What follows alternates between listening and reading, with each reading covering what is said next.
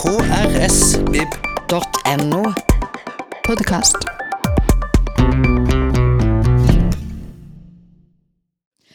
Hun er filmregissør, skuespiller, forfatter. Eh, har i årtier vært en kontroversiell kunstner som eh, våger å uttrykke sine meninger i kunst og i debatt. Vi har filmer som 'Løperjenten', 'Hud', 'Måker', 'Tårer i Gaza', som hun har jobba også sammen med sin ektemann og produsent med, Terje Kristiansen. I 2015 så fikk hun æres Amanda. Nå har hun utgitt sin sjette roman, 'Ta godt imot Vibeke Løkkeberg'.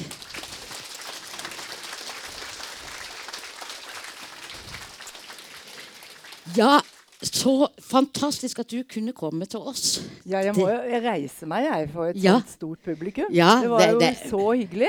For å si det sånn, så er det hyggelig å komme på fredagslunsj. Det Ja, må jeg si. Ja. Um, vi er her for å snakke om boka 'Frokost på stupet'.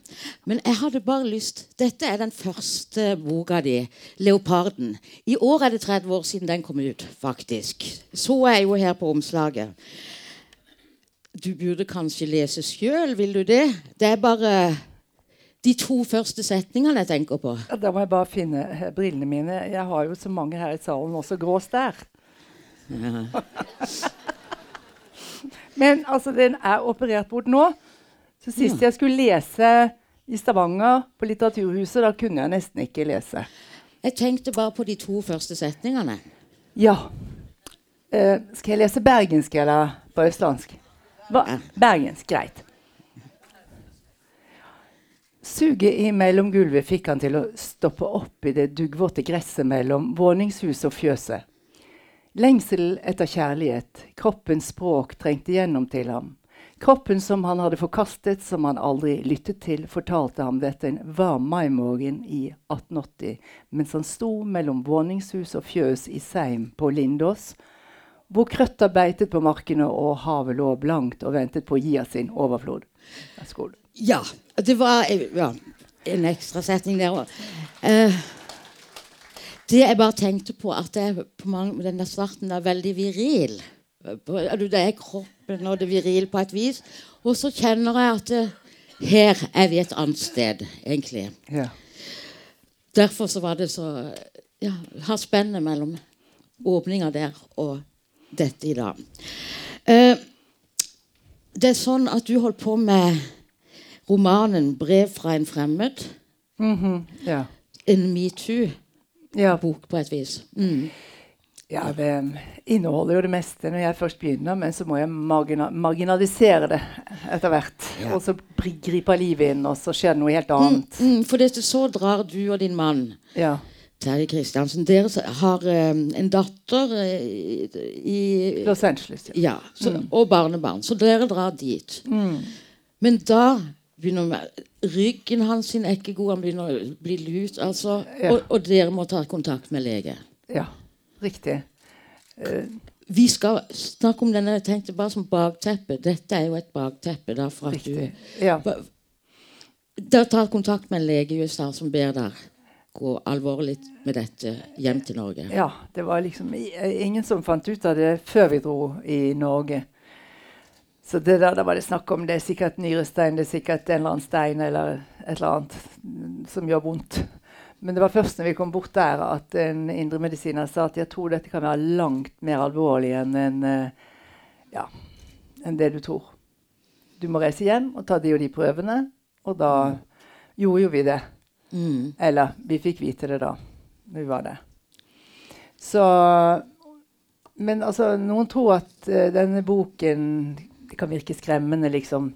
En klinisk sykdom, men det er jo ikke det det er. Dette er heller ikke døden som en, eh, en skremmende opplevelse. Dette er døden som bringer en inn til livet, hvis dere skjønner. Nærmere livet. Og nærmere kjærligheten og eh, nyansene i et forhold mens den ene blir syk. Ja. Og, og bare det faktiske i det er altså at han fikk for seks år siden eh, diagnosert beinmargskreft. Ja. Og vel et livsløp på eh, maks fem år. Ja, Hvis man er heldig, så får man det, men det er jo mange forskjellige eh, typer, typer av denne sykdommen her. Og man vet jo ikke helt. Og, men det er jo det, det som er, er, vanskelig, det er det at det skjer et skifte i et forhold når én blir pasient. Mm. Og man blir alarmert. Man mm. går rundt i en alarmtilstand. Og man på en måte lengter veldig etter den andre som på en måte mentalt forsvinner litt inn i sitt eget rom.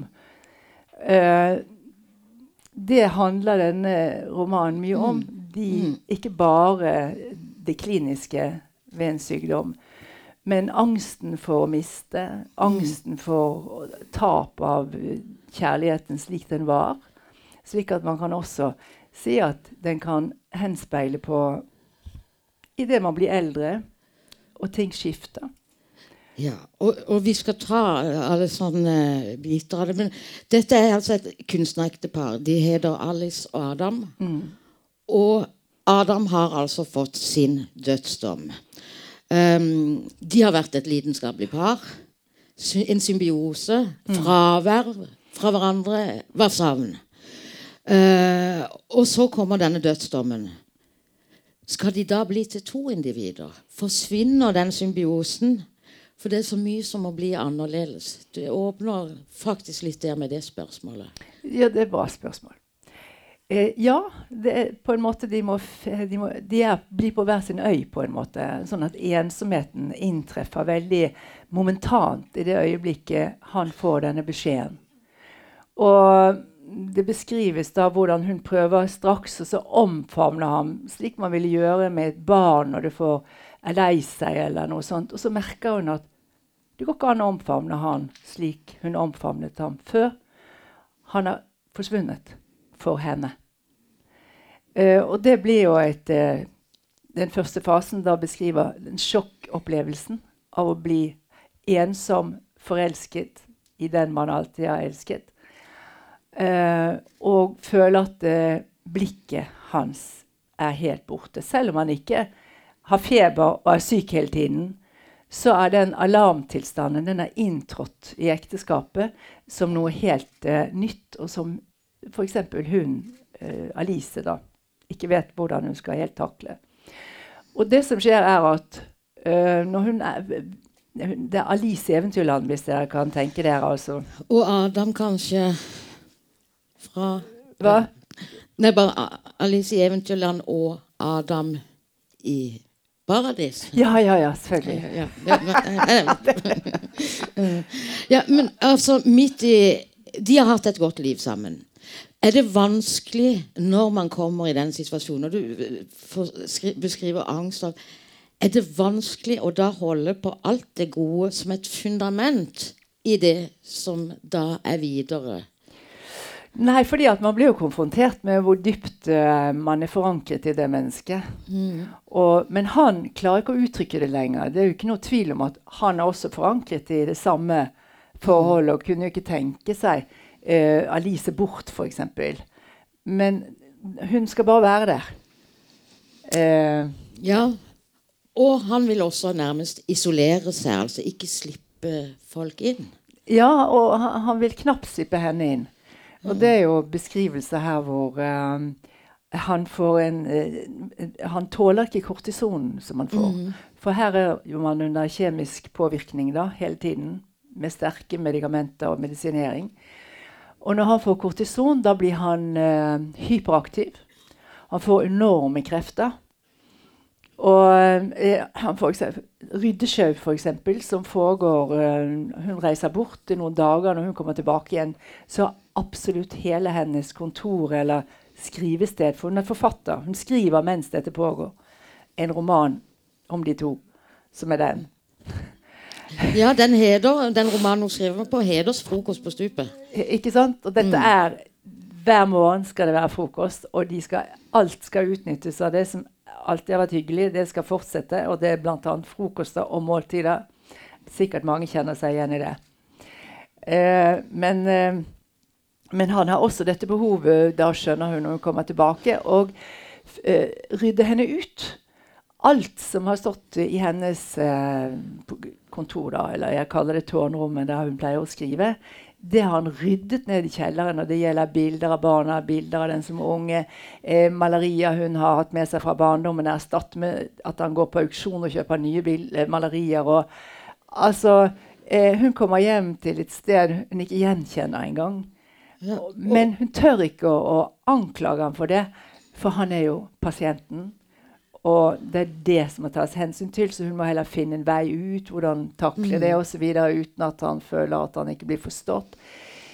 Uh, og han blir altså så sterk ja. uh, under kortisonen at han blander seg opp i restaureringen av et, et, bad som han vil ha større fordi han kanskje kan ende i rullestol. Mm. Så han går rett og slett ut med maske og vernedrakt og slår med en slegge ned en hel murvegg. Så hun ble bare stående og måpe over mm. dette, denne pasienten som er kommet sånn til krefter. Og, og du skriver at uh, hun egentlig er en kompromissløs kunstner, men som har fått en tankevekkende mykhet over seg fordi at hun må. Hun har fått en Hun må under, underkaste seg. Det, for mm. sånn er det. Mm. Ja. Men så skriver du da, da også i forbindelse med den oppryddingen Han arkiverer livene Ja, ja. Ikke bare sitt eget, men også hennes. Ja. Hun kaller det å bli rydda ned i kjelleren. Litt levende begravet, ja.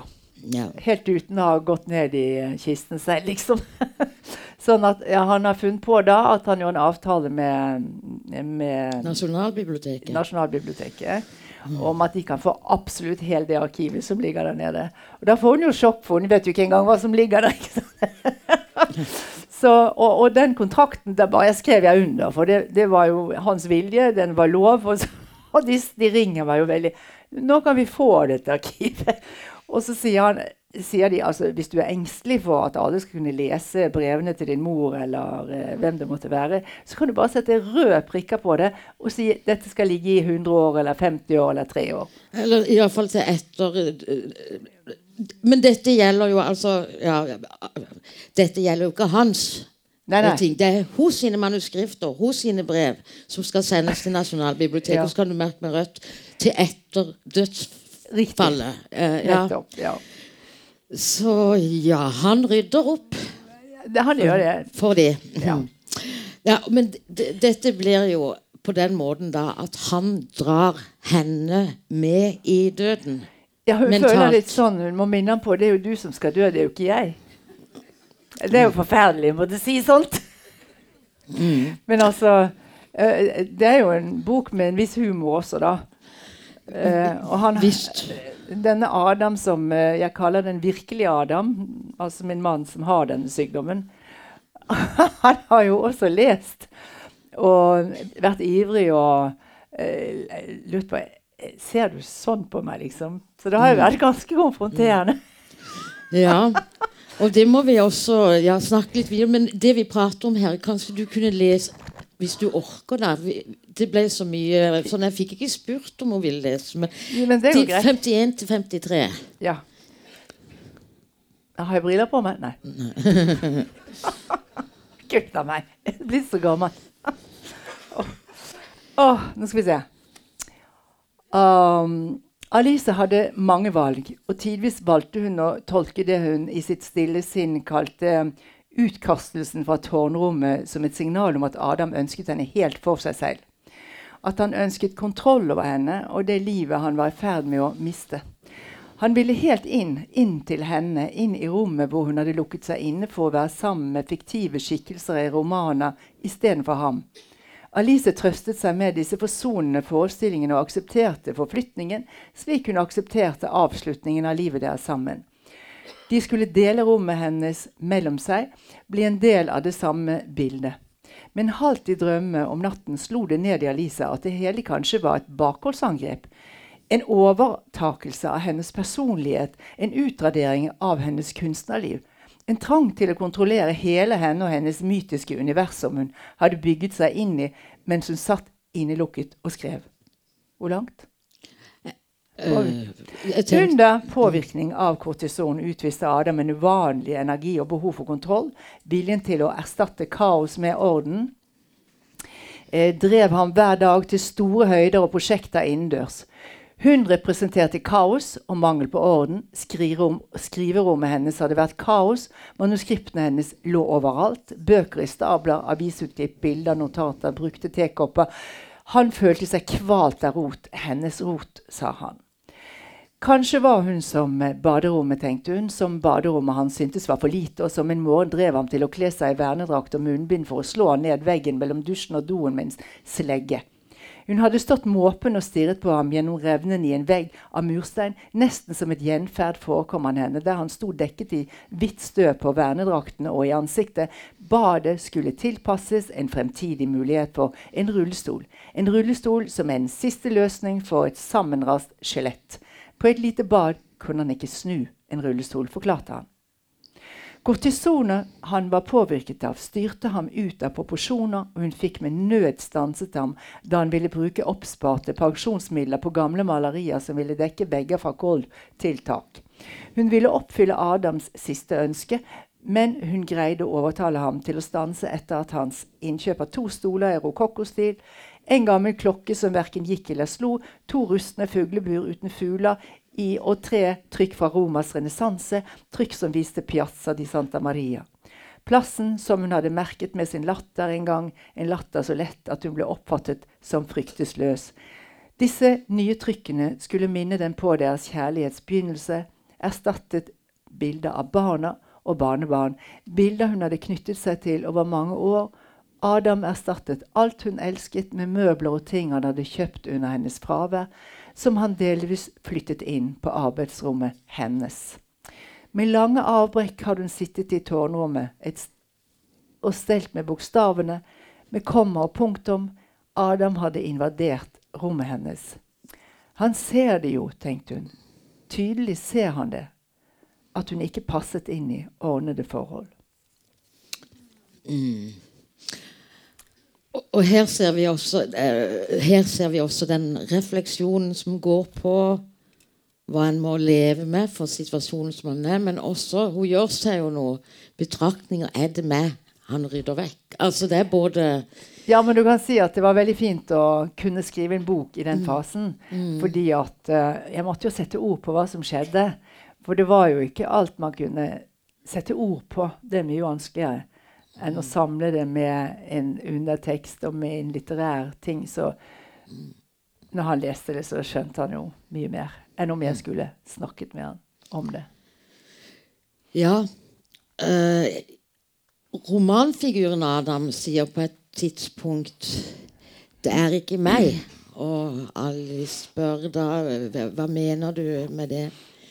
'Jeg er ikke lenger' han i boka. Eller jeg, jeg husker det ikke helt sånn. Men altså Han har tydeligvis lest om seg sjøl og sett seg sjøl, men så ser han at det kanskje den andre tar en litt annen vei enn seg sjøl. Ja. Sånn er det jo i romaner. ikke mm, sant? Mm, uh. Man leker jo med romaner på en måte, mm. med romanfigurer, men man har også virkeligheten i bunnen. Mm. En annen ting som gjør det der med at du blir dratt inn i, i døden, er at uh, Adam sier tiden for oss har kommet til å finne et gravsted. Jeg vil ikke finne en grav, jeg vil leve, sier Alice. Men det er også det, det, stadig sånn drypp. Ja, altså, han, han, lever fortsatt i det at vi er ett. Denne symbiosen den er for ham ikke over.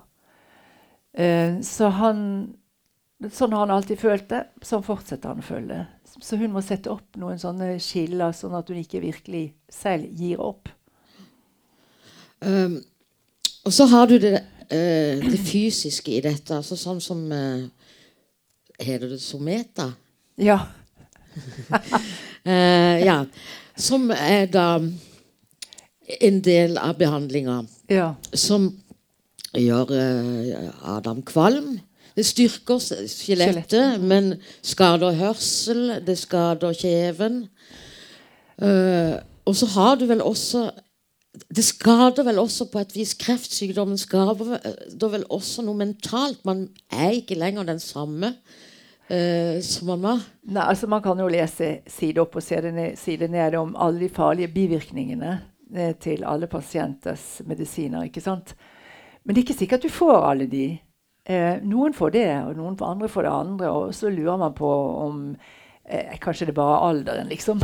Man kan liksom ikke lenger skille når man er over 70 år. Men eh, han eh, Noen mennesker er jo veldig sensitive for eh, medisiner, som andre kanskje ikke er. Men kortison har jeg i hvert fall merket veldig stor forskjell på hans eh, eskalering når han tar det, og når han ikke har det i kroppen. Someter det er noen skumle greier hvor du får omtrent sement eh, inn i skjelettet. Jeg vet ikke, jeg ser for meg at det er sånn. For jeg har jo måttet visualisere uh, hva som skjer med organismen hans på en måte som er veldig skremmende. Ikke sant? Så jeg får jo av og til dette for meg at å hjelp, nå forvitrer hans skjelett. Han liksom bare Ja.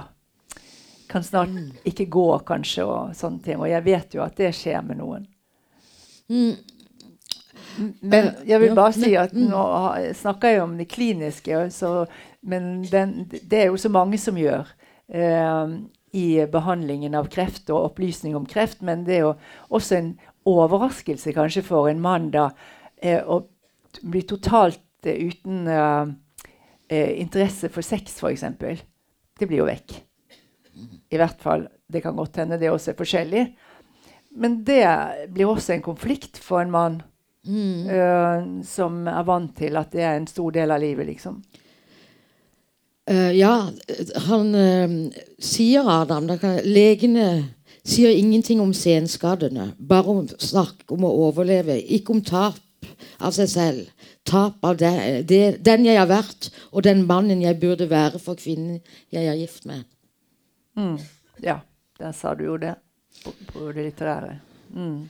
Um, det kommer også frem at sånn leger f.eks. er mest uh, Og mennesker rundt.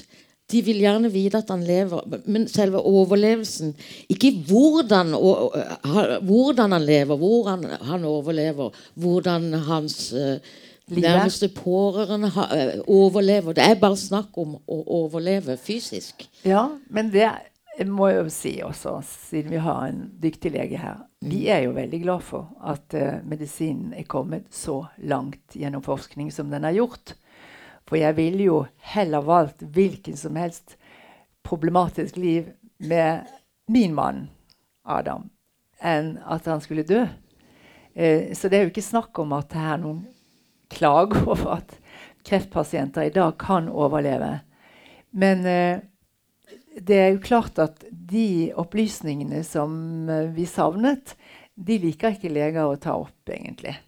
For mm. det skal være Du skal overleve med disse medisinene. Det er det som er vår oppgave. Det er ikke vår oppgave å fortelle deg hvordan dette vil gå inn på dere mentalt eller i forhold osv. Kanskje man gjør det på, på Montebello. Jeg vet ikke. Gjør man det? Ja. Vi har Jans Vincent Johansen her foran, bare til dere som ikke ser han her bak. han er så diskré. Han måtte gjerne sittet her. ja. ja. Nei, men, men, det er et faktum, altså, at de, de vanskelige tingene er det, det er ikke noen sånn psykisk helse i, i dette si at uh, man kan ikke forvente at uh, staten også skal bringe inn masse psykologer og uh, ha et helt apparat for å fortelle hvordan de skal leve sammen, og hva de vil oppleve av skuffelser. For det er jo faktisk nok at vi får subsidiert så mye forskning på at vi kan overleve. Mm. Men derfor så syns jeg jo Montebello må jo være det er jeg veldig nysgjerrig på. Det må jo være fantastisk. Og nå er vi invitert opp til Landsforeningen for blodkreft i Bodø. Og de har lest denne boken og vil gjerne invitere oss opp til å snakke om akkurat det vi gjør nå her. Nå må du hjelpe meg. Ja, meg. Eh, nei, uh, men det jeg snakker om, det vi også var inne på, at en litt mentalt også forandrer seg. Uh, som beskrevet da i boka, så er det før Han er litteraturhistoriker. Før interessert i seriøs litteratur, mm. smale filmer. Nå vil litteratur, litteraturhistorikeren helst, hvis han skulle skrevet noe, så var det krim og se på spenningsfilmer. Dykke ned i fiksjon, som du skriver. Fjerne seg fra virkeligheten. Ja, det blir jo en flukt, ikke sant? Mm. Men uh, så kan det, når denne alarmen gir seg, og man blir, ser at man overlever, så kan jeg jo si om min mann Nå har han begynt å lese litteratur som ikke jeg får tid til å lese, og er veldig opptatt av det. Så han nå han på en måte, Det står jo der òg i boken at han mister angsten etter hvert. Mm. Mm. For det er jo angsten som sperrer for livet. eh, denne dødsangsten. Men så kan du si at eh, personlig så har jeg utviklet meg veldig som både menneske og forfatter og kunstner gjennom den opplevelsen jeg har hatt. Fordi at det at døden blir en reell ting, eh, som man eh, må leve side om side med livet, så, så blir det jo et eh, mye mer spennende liv. Og man blir mer spennende for hverandre også fordi man vet man kan miste hverandre i morgen. Mm. Hvis alle forstår hva jeg mener. Ja. Så det er ikke Det farlige ligger egentlig i samfunnet som forsøker å fortrenge denne sannheten, og som får deg til å bli et overfladisk, veldig material, materielt søkende menneske. Eh, hvor du på en måte blir en, en eh, del av en business eh, som folk eh, tvinger deg inn i, eller en slags butikk hvor alt handler om penger og Så, så jeg må jo si at eh, livet har blitt mer interessant. Mm. Og det også gir meg opplysning om hvordan det å bli gammel, satt på spissen, eh, har forberedt meg mye bedre på det. Mm. Ja, og det har du kanskje måttet i sånn forhold til arkivering og alt. Altså man, man Avslutningen kommer nærmere. Nei, ja, men sånn måte begynne å eh, se for seg alt en har jobba og gjort, for det ligger jo nå i arkiv. Altså det er jo ja, Ja, Da ser en jo for seg sitt eget liv, hva en har jobba med og alt sånt. Jo, ja, spennende. Og det blir jo også nå skrevet en stor biografi som kommer til høsten, f.eks. Og Som uh, blir veldig spennende. Det ser vi frem til, også her, ikke sant? Ja, ja. ja, men Vi skal ikke avslutte riktig ennå, da. Men, ehm, nei, men det du også, det vi var litt innpå med det mentale For dette, du har et eksempel her som jeg tenker dette, dette er sykdommen, på et vis. Eh, også dette ekteparet har en datter i LA som er nyskilt eller rundt det. Og Adam tenker at hun trenger penger. Hun trenger en god del penger der som hun skal bo. Ja. Og har altså fått noen e-poster. Ja, ja dessverre. Disse e-postene som mange av oss får, enten så handler de om eh, sex, eller så handler de om at eh, du har arvet penger, eller du eh, Et eller annet. Eh, som eh, Når jeg får de inn, så bare slukker jeg de og kaster de ned i søppelen. Men han i sin situasjon, som eh, da mangler penger, mener han, eh, også for å trygge familiens fremtid, han, eh, han får de tak i, liksom. Eh, hvor de sier at han arver penger, og de har endelig funnet denne arvingen osv. Sånn klassisk tullete greier som kommer fra Somalia. Så ha, han Eh, insisterer på Ja. Nei, bare når du sier det kommer fra Somalia I prinsippet så ser det her veldig ekte dokumenter fra en engelsk advokat som jo faktisk Ja, ja, ja. eksisterer. Absolutt. Det ser veldig finnes. troverdig ut. Han fins, den advokaten i England. Og, eh, men han eh, går inn på det, og plutselig så sender han eh, 250 000 kroner til denne personen. Mm. Og det var de sparepengene. Mm. Så istedenfor at de gikk til datteren i LA, så går de der, for han tror han har arvet 40 millioner. Veldig Ja. flott sum. Mm. Og eh, om det er medisinene som da har eh, spilt ut denne kontakten hvor hun kan influere på han, eller hva det er, men det var i en fase hvor han var veldig eh, eskalerende, veldig stresset, veldig eh, Hva kan man kalle det, da? Eh, desperat, Ja. faktisk. Det må jeg jo tro. Også fordi han ville hjelpe sin familie. Ja, ja, han skulle trygge- etterlate sin familie. Absolutt. Så det spilte jo veldig inn. Mm. Fordi han så jo for seg at uh, en skilt uh, datter i Los, Los Angeles med to barn, det ville jo bli vanskelig. Ja, og her kom redninga. 140 millioner fra en Kult. arving i Amerika. Ja, det er jo ikke noe å le av. Eh, personlig får jeg jo godt si at dette er jo en eh, det er jo en del av dette som er sant, f.eks. det her. Og da måtte Alice gå til advokat for at han skulle forklare at dette er feil. Det ser veldig ryddig ut, men det er korrupsjon, og det er lurt. Men da bestemte vi oss for å ta det helt fint. Ja. det er jo bare å gjøre. Men iallfall sånn som det står beskrevet i romanen, da, så, så involverer han jo hun i dette. Ali. Ja. Og men hun forklarer dette er jo humbug. Dette er ikke Ja, men, men det går allikevel et par uker der han jobber med dette saken. Mm. Men hun reagerer jo da ikke før det har skjedd. Jo, Så- jo. Hun gjør det. Å, jo, jo. Eh, altså, Alice kunne ikke sove om nettene mer. Altså, hun var jo mm. livredd, fordi det er jo kriminalitet innenfor disse Mm. miljøene. Så hun så for seg at uh, de kunne bli oppsøkt av kriminelle med pistoler og jeg vet ikke hva. Mm. Uh, redsel for barnebarn. Altså, hun fikk jo opp hele uh, sin kunstnerfantasi helt ufiltrert. Ah, ikke sant? Hver natt. Kunne ikke sove. Mens han syntes hun var helt håpløs. Og så eh, det jo, ligger det jo en autoritet i forholdet her, fordi at han er produsent. Det er han som alltid har hatt med penger å gjøre. Hun har sittet inne på dette rotestedet sitt og holdt på med film og manuskripter. Og har på en måte ikke eh, Hun har ikke drevet på med penger. Mm. Ikke sant? Men nå har Alice i løpet av disse årene måttet overta alt dette. Lære seg alt. Mm. Ikke sant?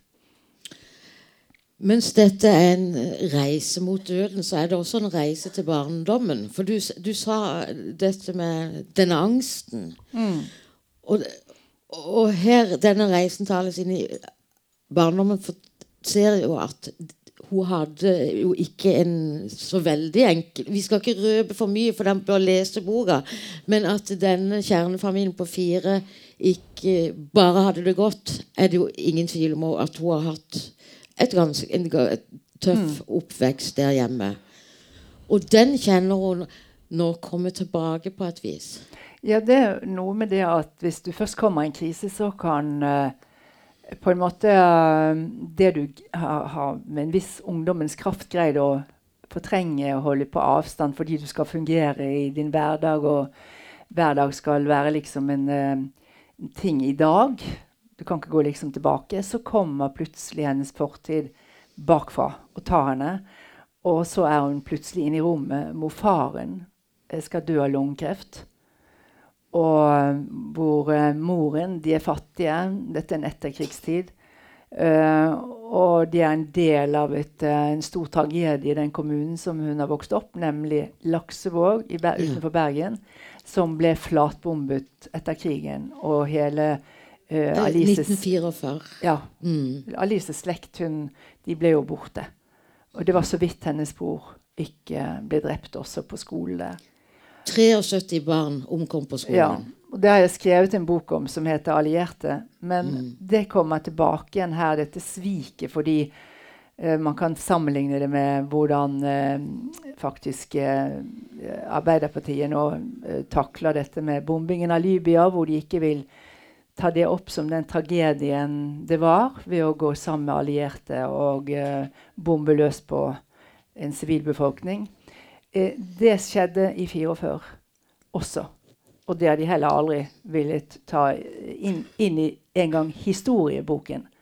Så jeg vokste opp med, med en slags eh, Hvor vi var en slags utvist kommune i, i Bergen. Hvor kvinnene som mistet barna sine, ikke fikk lov å sørge, ikke fikk lov å klage.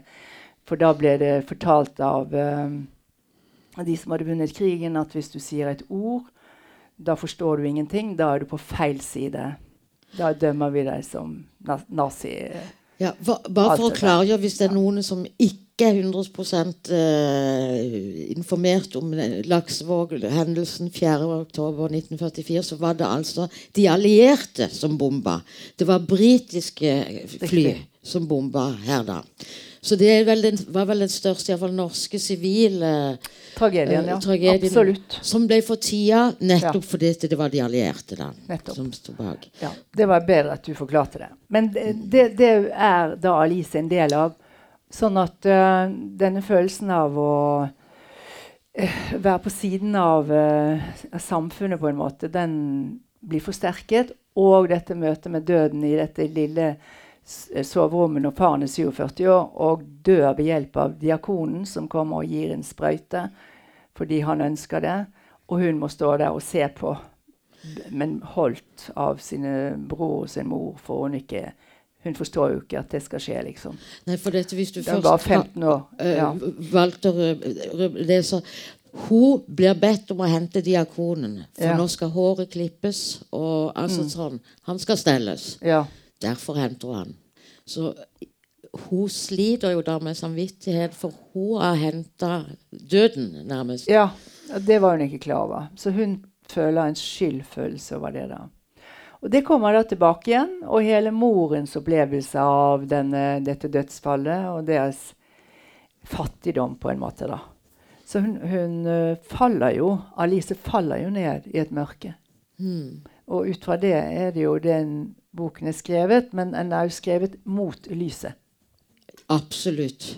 Uh, men bare mens du var der, for dette, dette er altså også tar opp tematikken da barmhjertighetsdrap. Det å ikke holde ut. Mm. Som noen kan kjenne på. Dere er ikke Alice, ikke du heller, uh, ved deg, ut fra hva du sjøl sier. Men du tar opp tematikken, for andre har kanskje den at dette er ikke til å holde ut. Ja, jeg tror alle, hvis de ser sin elskede mann eller kone i den situasjonen at han blir så syk at han bare har smerter, så kommer den tanken at åh, vi må ha hjelp til å få en utgang. Uh, og mm, det er jo et sånt diskusjonstema i dag hvor det skal settes inn i en slags regi og dødshus og alt det der som jeg ikke kan se for meg. Men, men, men eh, det som Alice beskriver da, det er når hun var barn og 15 år, så faren led veldig. Han får denne sprøyten. Og så blir hun plutselig alene med han i rommet, for de andre voksne orker det ikke å være til stede. Men idet livet slukner, da ønsker hun bare livet hans tilbake. Selv om det bare er helt på randen av å dø, så er livet å foretrekke fremfor ikke noe. Og det er et voldsomt uh, uforglemmelig øyeblikk for Alice. At uh, uansett, liksom Det har noe med med det å være og ikke være å gjøre. Som Shakespeare er flinkere å skrive om enn meg, men det var et fatalt øyeblikk, særlig når du er så ung. Og det er kanskje også eh, derfor uh, Alice med litt angst eh, ser for seg ulike skrekkscenarioer. Altså, det, er vel, det er snakk om en hjertestarter som skal kjøpes inn. Den blir kjøpt inn. Tenk om ledningene er for kort, at det ikke når frem til hjertet med starteren. Eh, eller at skøyteledningene er i kjelleren, for de har jo rydda bort eh, skøyteledninger, for de kan være brannfarlige. Eh, tom på strøm for mobil når du skal ringe ambulanse eller hun. Ja. Eh, og ikke huske fødselsnummer. Altså sånn. Det er noe med å føle seg så ansvarlig for et annet menneske, også med den bakteppet med barndommen, der hvor inderlig man vil holde det i live. Ja, jeg tror alle har den, eh, den følelsen. Det var en underlig opplevelse hvor eh, han fikk jo stadig blodforgiftninger i en periode. Og uh, jeg var ikke til stede i landet, og jeg kom i siste liten. Og så sier min datter som var det, du må skaffe is. Og jeg vet han er veldig glad i is. Nå snakker jeg om mannen min. Eh, så jeg kjøpte to, to for sikkerhets skyld. Is nede i kiosken på sykehuset. Og så hadde jeg fått så mye, for, for det var storm da jeg fløy hjem. Så jeg redd for å fly da, og jeg var veldig engstelig for alt som kunne skje. Så jeg hadde både drukket vin og så en dame ved siden av meg som skjønte at jeg var helt uh, på felgen. Så vil du ikke heller ta en pille? Jo, jeg tar virksomhetspille. Jeg aner ikke hva jeg fikk, men jeg var jo helt Når jeg gikk inn på sykehuset, var jeg jo virkelig påvirket. Og så gikk, kom jeg inn i dette rommet som var på sånn eh, Hva det heter for noe? uh, ja, Der hvor ingen andre får lov å gå. holdt jeg på, så uten å være maskert. Sånn. Ja, så kom jeg inn grønnkledd og med munnbind med to is. i hendene. Og jeg ser min datter på meg, og min mann så jo ingenting. For han var virkelig nær ved å dø. Altså Ja. eh, Det var i prinsippet Du skulle ha fylt rundt Ja. kroppen med isbiter for å det kjøle hun ned. skulle ha? Så kommer hun med disse to isene. Utrolig scene, da. Sånn at jeg har veldig lyst til å lage film av denne her boken. Det, det er en veldig god scene. Er det ikke det? Men alliavel, i det virkelige livet her, altså Ikke uten grunn så kaller din mann deg for 113. Ja, ja. For det, tross dette med de to eh, isene, så hadde du altså ringt han kvelden før og skjønte eh, Hvis det er samme tilfelle, da. er riktig. Det er samme tilfelle. Skjønte at For han hadde hatt behandling og måtte ikke få feber. Men det fikk han, og det hørte du.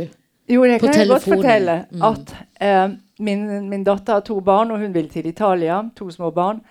Og han var frisk fra denne blodforgiftningen, som han, og, og det var gått en ganske lang tid etter stamcellebehandlingen.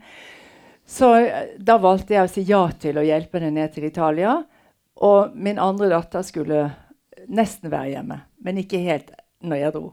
Men han følte seg så frisk at han kjøpte champagne og kjøpte hva det heter, sånn kamskjeller forskjellig.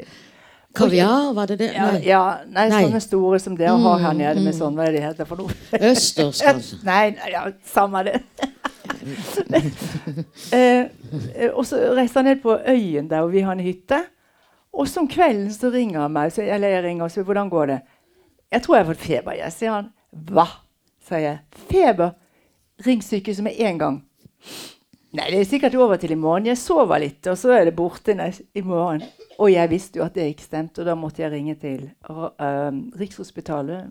Nei, ja. Hvor han hadde fått denne stamcellebehandlingen og hadde nettopp hatt denne blodforgiftningen. Og der sier de han tilhører ikke dette sykehuset. Han er utskrevet herfra.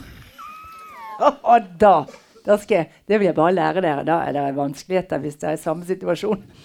Så sier han han må selv ringe til uh, nærmeste legevakt. Eh, for nå er han uh, nede uh, på Hvaler, så han tilhører ikke oss i det hele tatt. Så sier jeg men altså, dere kan jo ikke på den ene siden da eh, utsette en mann for en så dyr behandling som stamcelle, og dere vet at dette kan være blodforgiftning, og så si nei til at han kan komme inn til dere. For det er der han vil. For der dere vet hvilken behandling han skal ha, dere vet hvilken antibiotika han skal ha. Dette må jeg få lov å formidle. Absolutt. Og så sier de eh, Nei, da må han eh, dra til Diakonhjemmet. Så sier jeg ja, men kan dere da sende hans uh, Hva det heter sånn Journal. Uh, Hva heter det? Hvilken, hvilken medisin han skal ha, hvilken antibiotika han fikk sist, den må vi vite. Epigram. Han kan få det. Kanskje. Ja. Ja. Det skal vi gjøre, sa de. Den skal vi få sendt. Eh, så var det da snakk om å få noen til å gå bort og banke på. For det kom jo ingen fra noen legevakt. Ingenting, for han greide ikke å ringe. Og noen naboer som kom og hentet han ned i en båt, kjørte han ned i, på, til en fetter av meg som sto og ventet med bilen sin, og som kjørte i rasende fart. Han hadde blodforgiftning. Til Diakonhjemmet. Kommer inn på Diakonhjemmet. De gir han feil, eh, feil, feil antibiotika, som viser seg i etterkant, hvor de forklarte at den kunne da tatt nyrene hans, og han kunne dødd av den. For det var ikke kommet noen ting fra Rikshospitalet. Og Da kan man jo lure på hvilken kontakt det er mellom disse sykehusene som gjør at de fritt kan si nei, dra dit eller dit, og vi skal sende det du trenger for å få behandling. Det var helt tilfeldig at han overlevet. Og det er da jeg sier så dyr behandling som en, en sånn tra uh, transaksjon, holdt jeg på å si, en sånn eh, Ja, stamceller eh, eh, Altså, det er jo vanvittig. Den koster millioner. Og så skal de være så lemfeldige at de etterpå bare slipper en pasient ut i en blodforgiftning fordi han da bor litt unna der han egentlig tilhører dem. Altså, det syntes jeg var helt horribelt. Og så sa jeg det skal jeg skrive en artikkel om i avisen. Nei, sa han, det gjør du ikke. Jeg er helt avhengig av goodwill på det sykehuset. Jeg skal fortsette behandlingen der. og de kan bli, komme i vanskeligheter med det. Så gjorde vi ikke det. Men nå kan jeg si det der, i hvert fall. Mm. Mm. Nå, ja, nå er du ute i verden. Um, um, det, det er en liten episode som er bare um, undrer på også om er fra det virkelige liv. For jeg så helt sånn horribelt uh, i, boka her er det Og vi rekker ikke inn på denne naboen, men det er en sånn bihistorie om en nabo. Ja. Uh, men uh, Nei, jeg skal ikke si noe om det. Det blir plutselig i hvert fall en ledig leilighet i nærheten. Og, og, og så kommer det et yngre ektepar og ringer på døra. Jeg lurer på om dette også har skjedd i ditt virkelig For de vil se på deres leilighet. Jo, det er noe med det å bli enke. Når de vet at uh, mannen er syk, så vil de gjerne være raskt ute, for de vet om den leiligheten er veldig bra. For du har sagt i et intervju at du har kanskje skulle selge når du At du ikke orker å bo nei, der når du Nei, det har jeg ikke sagt. Jeg skal jo bo der. ja, nettopp. Nei, nei, det dreide seg bare rett og slett om at uh, eiendomsmeglere leser avisen. De vet jo at min mann er syk. Og det er noen som har sett den leiligheten på bilder, og, eller i det hele tatt uh, orientert om hvilke store leiligheter som nå skal seiles, Jo, den. Hun mister snart mannen sin, så ja. Ikke sant? Det, uh, og, og disse, disse, tingene her, det er sånn skjult i det landskapet hvor vi blir gamle. Mm. Usynlige, mm. gråhåret, ikke teller mer. Da plutselig så blir vi Har ikke vi samme verdi mer. Og jeg, jeg kan godt tenke meg hvordan, enke, hvordan, er enken i India? Jo, hvordan er enken her i Norge? Faller de totalt ut av alle sammenhenger fordi de ikke har en mann og blir invitert i selskap med? Blir vi isolerte? Blir vi ingen? Mm. Mennene blir invitert. Mm. Det har jeg opplevd. Mm. ja. Ja, midt i din og uh, Terje Kristiansen um, livssituasjon så viser skaperkraften seg som en gave i livet. Mm. Og han har sagt eh, i et intervju jeg er klar over hvor heldig jeg er. Eh, romanen den fikk han altså ut av det han sjøl kaller 'Jeg er syk og skal dø'-tunnelen. Som han da befant seg. Mm. Og han berømmer jo da det og sier altså det er en gave å ha en kreativ person så nær. Så det, denne boka som du har vært inne på Og ditt virke er i seg sjøl noe som har gitt han en ny livskraft, der han også har kunnet sett seg sjøl utenfra gjennom å lese her, og der du altså har altså gitt han en slags kreativ kraft igjen. Ja, jeg tror det. For jeg tror det kreative rommet det er redningen for eh, både friske og syke. At man leser bøker, at man skriver bøker. Nå vil jo han veldig gjerne at vi skal lage film av denne her. Og han vil jo gjerne spille selv, da. ja. Det er klart. Uh, det er spennende. Det, denne er mulig å filmatisere, virkelig. Tenk, skal ikke jeg Det er dere jo, som er Jo, hyggelig du syns det. For jeg mener, en sånn bok, det kan jeg bare fortelle dere også, det har noe med å bli eldre å gjøre, kvinne at det er jo ingen forlag egentlig som er, er, interessert i at man i min alder skal skrive en bok om rapporter fra hvor, når man blir gammel. Eller rapporter fra en sykeseng, liksom? Ja, det er jo enda verre, liksom. følelser rundt det. Mm. Uh, sånn at uh, jeg hadde jo plutselig ikke Aschhaug som uh, forlag mer, fordi jeg så det at de ble mindre og mindre interessert. De syntes dette var tristere og trist liksom å gå inn i. Men så sier jeg til hvorfor skal ikke vi ha vårt uh, rom og skrive vår rapport fra livet vårt med? Hvorfor skal vi ikke ha forlag som er interessert i det? Men det betyr jo at uh, jeg går til et lite forlag som ikke er med på at man får lagt bøkene frem på dette torget. Altså, jeg, den boken der har tatt meg fem år å skrive, og jeg tror jeg har tjent 80 000 kroner på den. Og så skal jeg betale skatt. Mm. Mm. Så, sånn at uh, det å være forfatter i dag uh, fra det rommet jeg skriver, det er ikke sånn at uh, du blir en synlig bestselger, i hvert fall. Mm. Nei. Vi skal ha boksalg her etterpå, bare så det er sagt. Nå vet jeg jo Nå vet jeg bakgrunnen. Løp og kjøp. Kanskje du vil bli min agent? Men du snakker om at noe kan høres mørkt ut, men det er egentlig å skrive seg mot lyset. Vil du også si at dette er et kjærlighetsbrev? Å ja, det er en kjærlighetsbok. Mm. Absolutt. Mm. Eh, som har lært meg veldig mye om at uh, kjærligheten forsvinner ikke uh, selv om du blir gammel.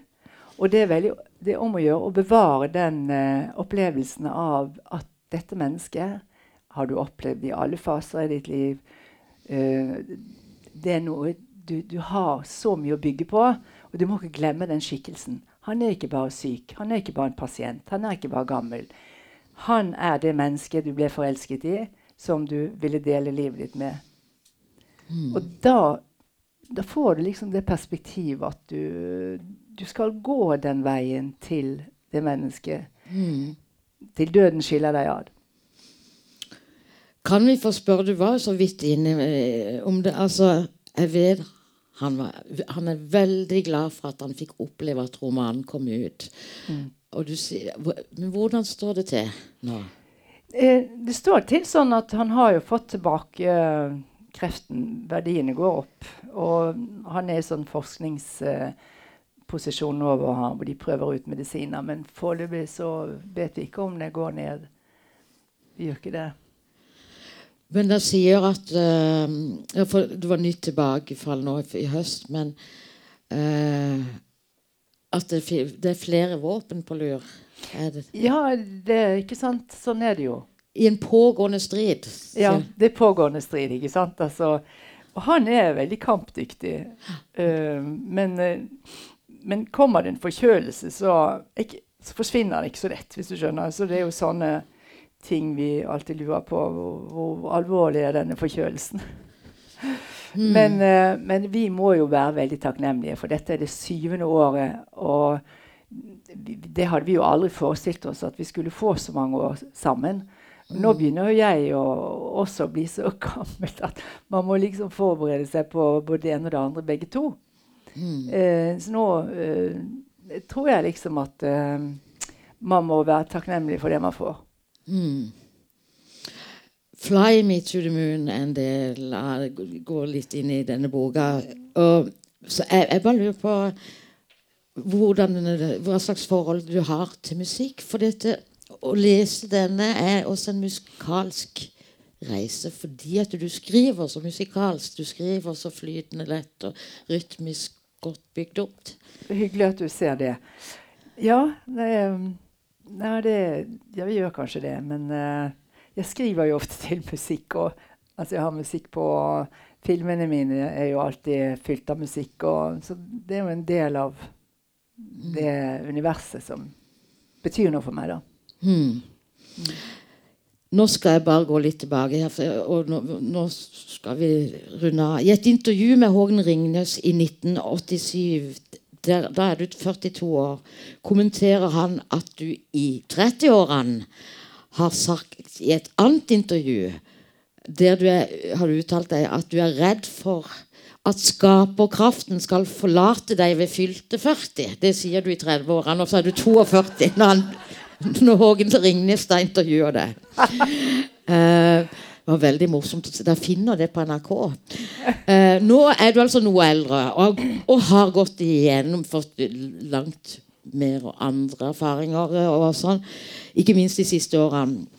Men jeg tror altså vi kan stadfeste at skaperkraften din, den er sterkere enn aldri før. Ja, jeg er klar for ny bok jeg, og ny film. Og Men det, det spørs bare om omgivelsene er klar for det. Det, du ser, her er vi veldig klar for det. Det, det, Ja, det er veldig hyggelig. Uh, eh,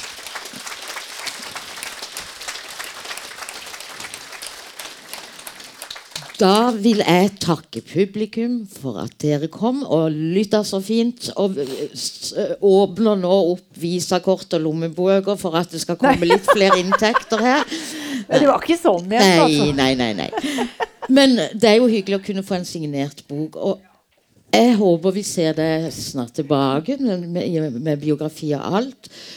Jeg ønsker deg og Terje lykke til videre. Og nå til alle en riktig god helg, og tusen takk altså for at du kom til oss. Tusen takk. Jeg fikk komme. Tusen takk.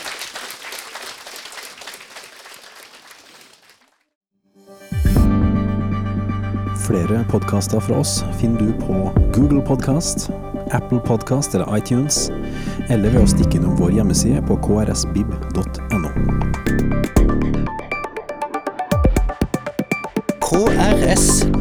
podkast.no. Podkast.